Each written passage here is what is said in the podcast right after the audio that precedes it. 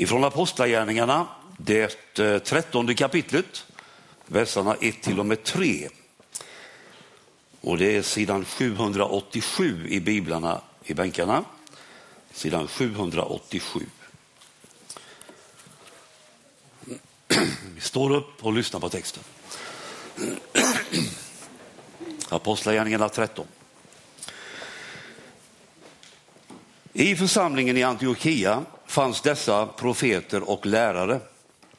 Barnabas, Symeon som kallades Niger, Lucius från Kyrene, Manaen som var uppfostrad tillsammans med tetrarken Herodes samt Saul.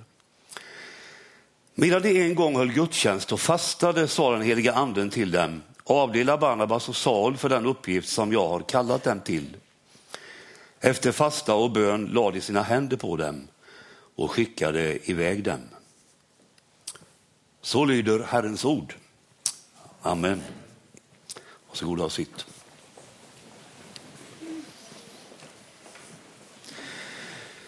Efter fasta och bön läste vi. Den här predikan ska handla om det. Bön och fasta. Vi talar om församlingen den här terminen, om vår församling. Och så läste vi om en annan församling som också höll gudstjänst. Men samtidigt var de i fasta. De höll gudstjänst och fastade, läste vi. Och då talade den helige ande in i deras gudstjänst. Och de fick avskilja missionärer. Bön och fasta. Ligger det något här som vi inte får gå miste om? Vi börjar med bön. Håll med om att det är en fantastisk möjlighet detta att vi kan be. Att vi kan tala med Gud, den högste. Att han vill lyssna till vad vi har på hjärtat och han vill framför allt att vi ska umgås med varandra. Jag tror att det djupt inom oss var och en finns en längtan efter mer av Gud. Efter mer av hans gemenskap. Efter att han ska prägla våra liv dag efter dag. Jag läste om hur Henry Nov, en katolsk präst, hur han en tid levde i, en, i bruset i Buenos Aires, tror jag det var, i Sydamerika. Och när han levde i det bruset så var det viktigt för honom, för att orka med och för att det skulle fungera med de uppgifter som var hans. Det viktiga var den ensamma, tysta timman med Gud varje dag. Jag tror att Gud fick prägla hans liv. Bönen är en fantastisk möjlighet, en gåva att ta vara på. Vad förväntar sig Gud av oss när det gäller bön? Ja, kanske inte en massa omöjliga grejer tänker jag. Men jag tänker att han har ändå en förväntan på att vi ska be. Och när jag säger det så tänker jag på några bibelställen. Jesus säger så här, när ni ber, inte om ni ber, utan när ni ber. Han säger vidare, be så ska ni få, Sök så ska ni finna. Paulus skriver i Romarbrevet, var ihärdiga i bönen. Och Paulus skriver vidare, be ständigt. Utifrån den frihet vi har i Kristus. Att vi är Guds barn, att vi är förlåtna, att vi har ett hopp som bär oss. Utifrån allt detta så väntar Gud på vår bön.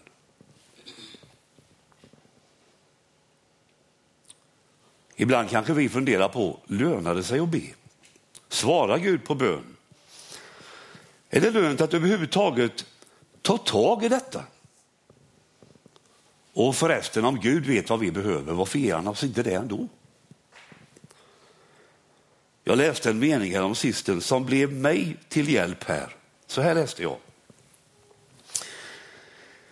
Men även för Gud är det viktigt att vi ber honom om olika ting.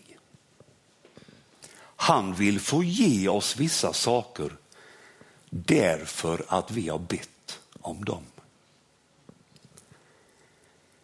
Och jag tänkte så här. Gud har rikedomar som han vill ge åt oss. Jag tänker att han har en massa bönesvar i sitt förråd. Vad han väntar på är våra böner. Så att han kan ge oss det som han vill ge oss. Jag tror inte att Gud skickar ner bönesvar hur som helst. Det är för dyrbart, tänker jag. Vi behöver ge uttryck för vår längtan och vårt behov. När jag är på bön nu så vill jag säga något om förbönen också. Så här. När vi ber för andra, då lyfts blicken från oss själva, från våra egna behov till andras behov. Och det är bra. Det förhindrar att vi blir inkrökta i oss själva. Förbön är ett effektivt sätt att kämpa mot egoism. En sak som vi ofta missar i förbönen, tänker jag, det är att tacka Gud för dem som vi ber för.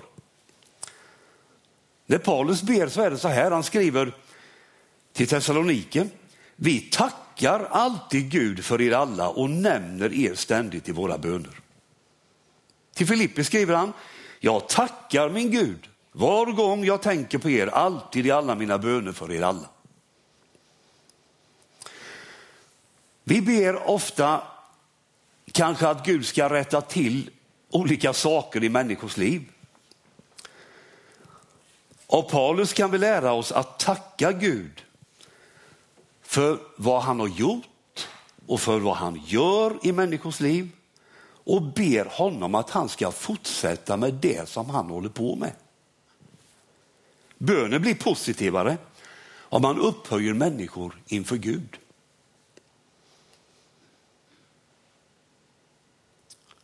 En sak till om bön och jag citerar rakt av från en bok om bön. Det viktigaste i bönen är inte att du har fina upplevelser, att du känner dig tröstad, utan att du finns där för Gud, fullständigt disponibel. Det viktigaste i bönen är att vi finns där för Gud. Och så fasta. Det blir en lite längre punkt. Hur fastar man? Man kan fasta på olika sätt. Du måste själv avgöra vad som passar dig bäst och vad som fungerar. Det kan handla om att man fastar från mat, man äter ingenting, man dricker vatten eller annan dryck. Matfasta kan handla om att man avstår från vissa måltider eller man avstår från kött kanske eller från sötsaker. Du avgör själv hur lång tid du vill fasta. En dag, två dagar, fem dagar, en vecka eller längre. Ett sätt att fasta som förekommer inom kristenheten är att avstå från mat fram till klockan 15 på onsdagar och fredagar. Vi kan mediefasta. Det handlar om att en viss period avstå från tv och dator och mobil. Det finns en familj i vår närhet som har bestämt att de lägger allt vad mobiler och datorer heter åt sidan varje måndag. Då umgås man. Fasta kan också handla om att avstå från godis, från vila och sömn och från sexuellt samliv talar Paulus om. När vi fastar så ger vi med hela vår personlighet uttryck för att vi engagerar oss. Vi vill någonting. Varför ska man fasta? På den frågan kommer jag ge några svar nu. Fastan hjälper oss att koncentrera oss på det viktigaste. Det viktigaste i en kristen människas liv är Gud. Och i allt det som vill ta vår tid och våra pengar, våra tankar, vårt engagemang så behöver vi ständigt återerövra det som är viktigast i våra liv, nämligen Gud. Fastan hjälper oss att koncentrera oss på det viktigaste. Fastan är en övning i självkontroll. Har vi kontroll över oss själva? Eller dras vi hit och dit, fram och tillbaka? Lyckas vi sätta gränser för vad våra ögon ser, vad våra öron hör, vart benen bär vår kropp? Även om ordet fasta inte finns i de bibelverser jag ska läsa nu så kan man ändå ana det i bakgrunden. Paulus säger så här i första Korintierbrevet 9, vers 25. Var och en som tävlar måste försaka allt. Löparen gör det för en krans som vissnar, vi för en som aldrig vissnar. Jag har målet i sikte när jag löper och jag slår inte i luften när jag boxas.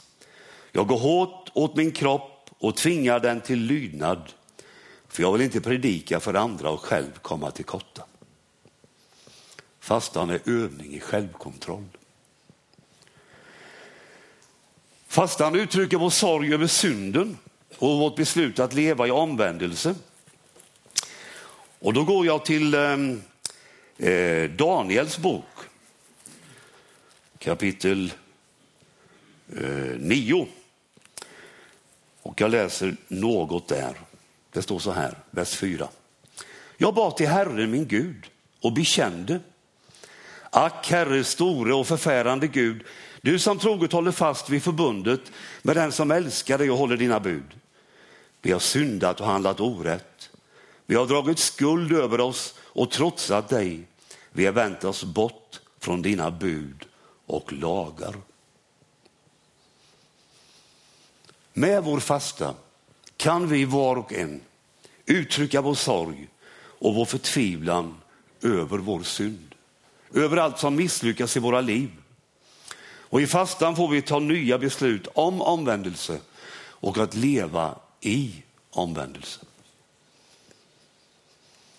Fastan är ett sätt att ödmjuka sig inför Gud. Det hör ihop med, första, med förra punkten, tänker jag.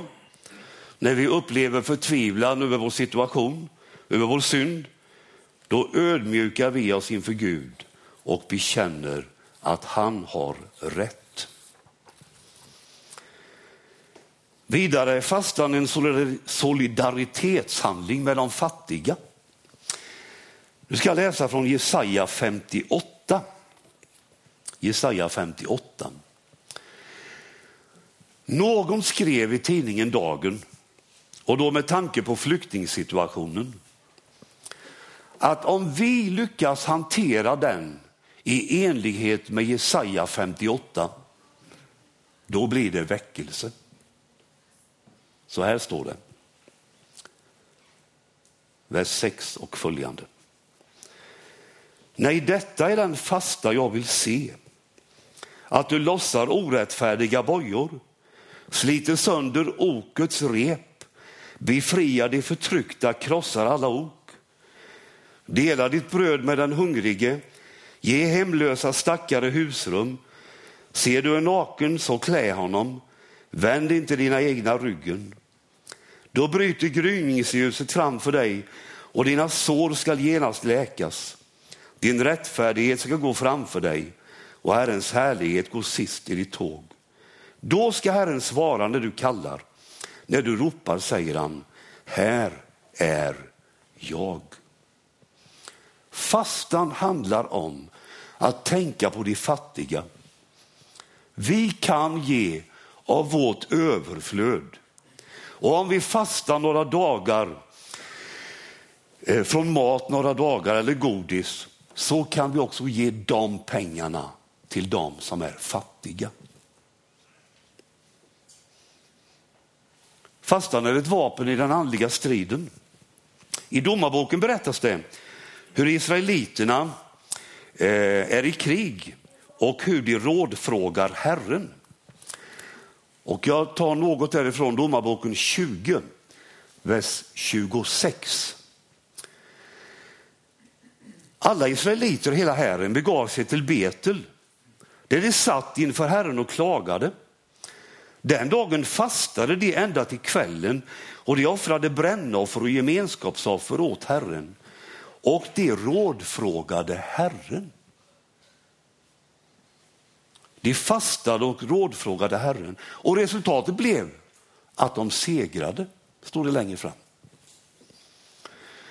Om vi överför detta med krig till vår strid, till vår situation, så står det i Efesierbrevet så här. Vi har en kamp att kämpa mot häskarna, mot makterna, mot herrarna över denna mörkrets värld, mot ondskans andekrafter i himlarymderna. Vi har alltså en, en, en kamp att kämpa mot makter som vi inte ser. Här tror jag att fastan kan vara ett vapen i den andliga striden så att vi står upprätta och inte faller undan. Fastan är ett uttryck vidare för ivern att söka Guds vilja inför viktiga beslut eller stora avgöranden. Här kan vi nog ta Nehemja som exempel. Han var i det persiska riket och så fick han besök där hemifrån Jerusalem och de berättade att det är kaos hemma och Jerusalems murar är nerrivna. Då säger Nehemja, när jag hörde detta satte jag mig ner och grät. Jag sörjde i flera dagar, fastade och bad till himlens Gud. Och så öppnade sig vägen för Nehemja. Han fick resa hem och ta itu med att bygga upp muren runt Jerusalem. I vår församling har vi, ja jag kunde räkna upp mycket, men vi har åtminstone två viktiga saker att tänka på. Det är föreståndarfrågan och det är vårt tonårsarbete. Det finns en väg att hitta lösningar och möjligheter. Och det är att fasta och be och genom det söka Guds vilja. Vi får inte hamna i tänket att det här ordnar sig nog liksom. Vi behöver engagera oss ett snäpp till. Slappna inte i er iver, säger Paulus.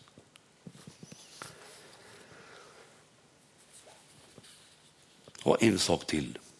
Fastan ger kraft när man avskiljer människor för tjänst. Här är jag tillbaka i vår utgångstext och församlingen i Antiochia. De höll gudstjänst och fastade. Då talade anden och de skulle avdela Barnabas och Saul, som är Paulus, för att gå ut med evangeliet. Och så läste vi, efter fasta och bön lade de sina händer på dem och skickade iväg dem. Jag tänker att på många områden så är bön och fasta en framkomlig väg i vår församling. Det den heliga ande kan visa vem som är lämpad för tonår. Vem vill han ha med i församlingsstyrelsen? Vem som ska leda gudstjänsten, vem som ska vara med i fastighetsgruppen och så vidare. och så vidare. Hör ni vilka möjligheter? Vi får inte missa det att söka Guds vilja med vår gemenskap. Det var några saker om fasta. Vecka 44, 26 till 31 oktober, har vi bön och fastevecka i församlingen. Och här har vi möjlighet nu att vara med och hjälpas åt. Vi behöver varandra här. Vi behöver mötas på våra samlingar för bön den veckan. Klockan 10 och klockan 19, måndag till fredag. Det är vi tillsammans. Vi har mycket att söka Gud för. Jag har nämnt tonår och, och föreståndarfrågan. Vi har barnsång och komfa och gudstjänster och sjuka vänner och mission och så vidare.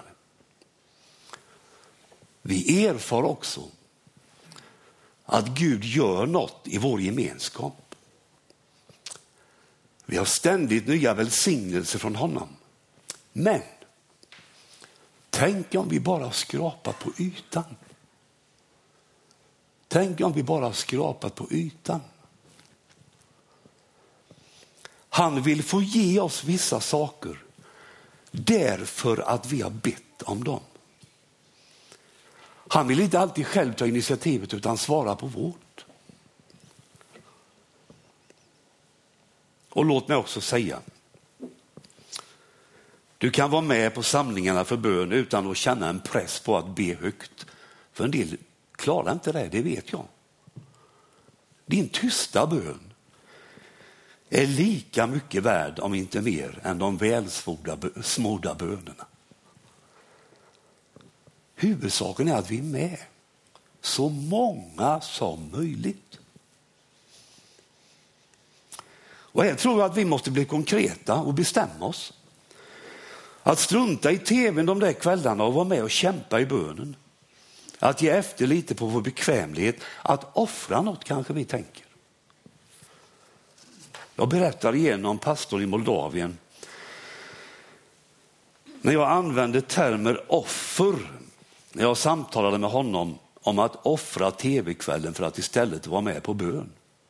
Han sa att lämna tvn för att gå på bön, det är inget offer. Det är att komma ur vår bekvämlighet. Och jag fick en käftsmäll som jag aldrig glömmer. Alltså. Vänner, vecka 44 kan innebära ett genombrott, ytterligare ett steg för vår församling. Ytterligare välsignelser och rikedomar från Gud. Och det är ju värt mer än aldrig så många tv-kvällar. Tänk att det kan få ske. Och jag tror att vi vill vara med här. Och till sist, som vi säger hela hösten när vi pratar om församlingen. Älska din församling. Be för din församling. Det är vi tillsammans.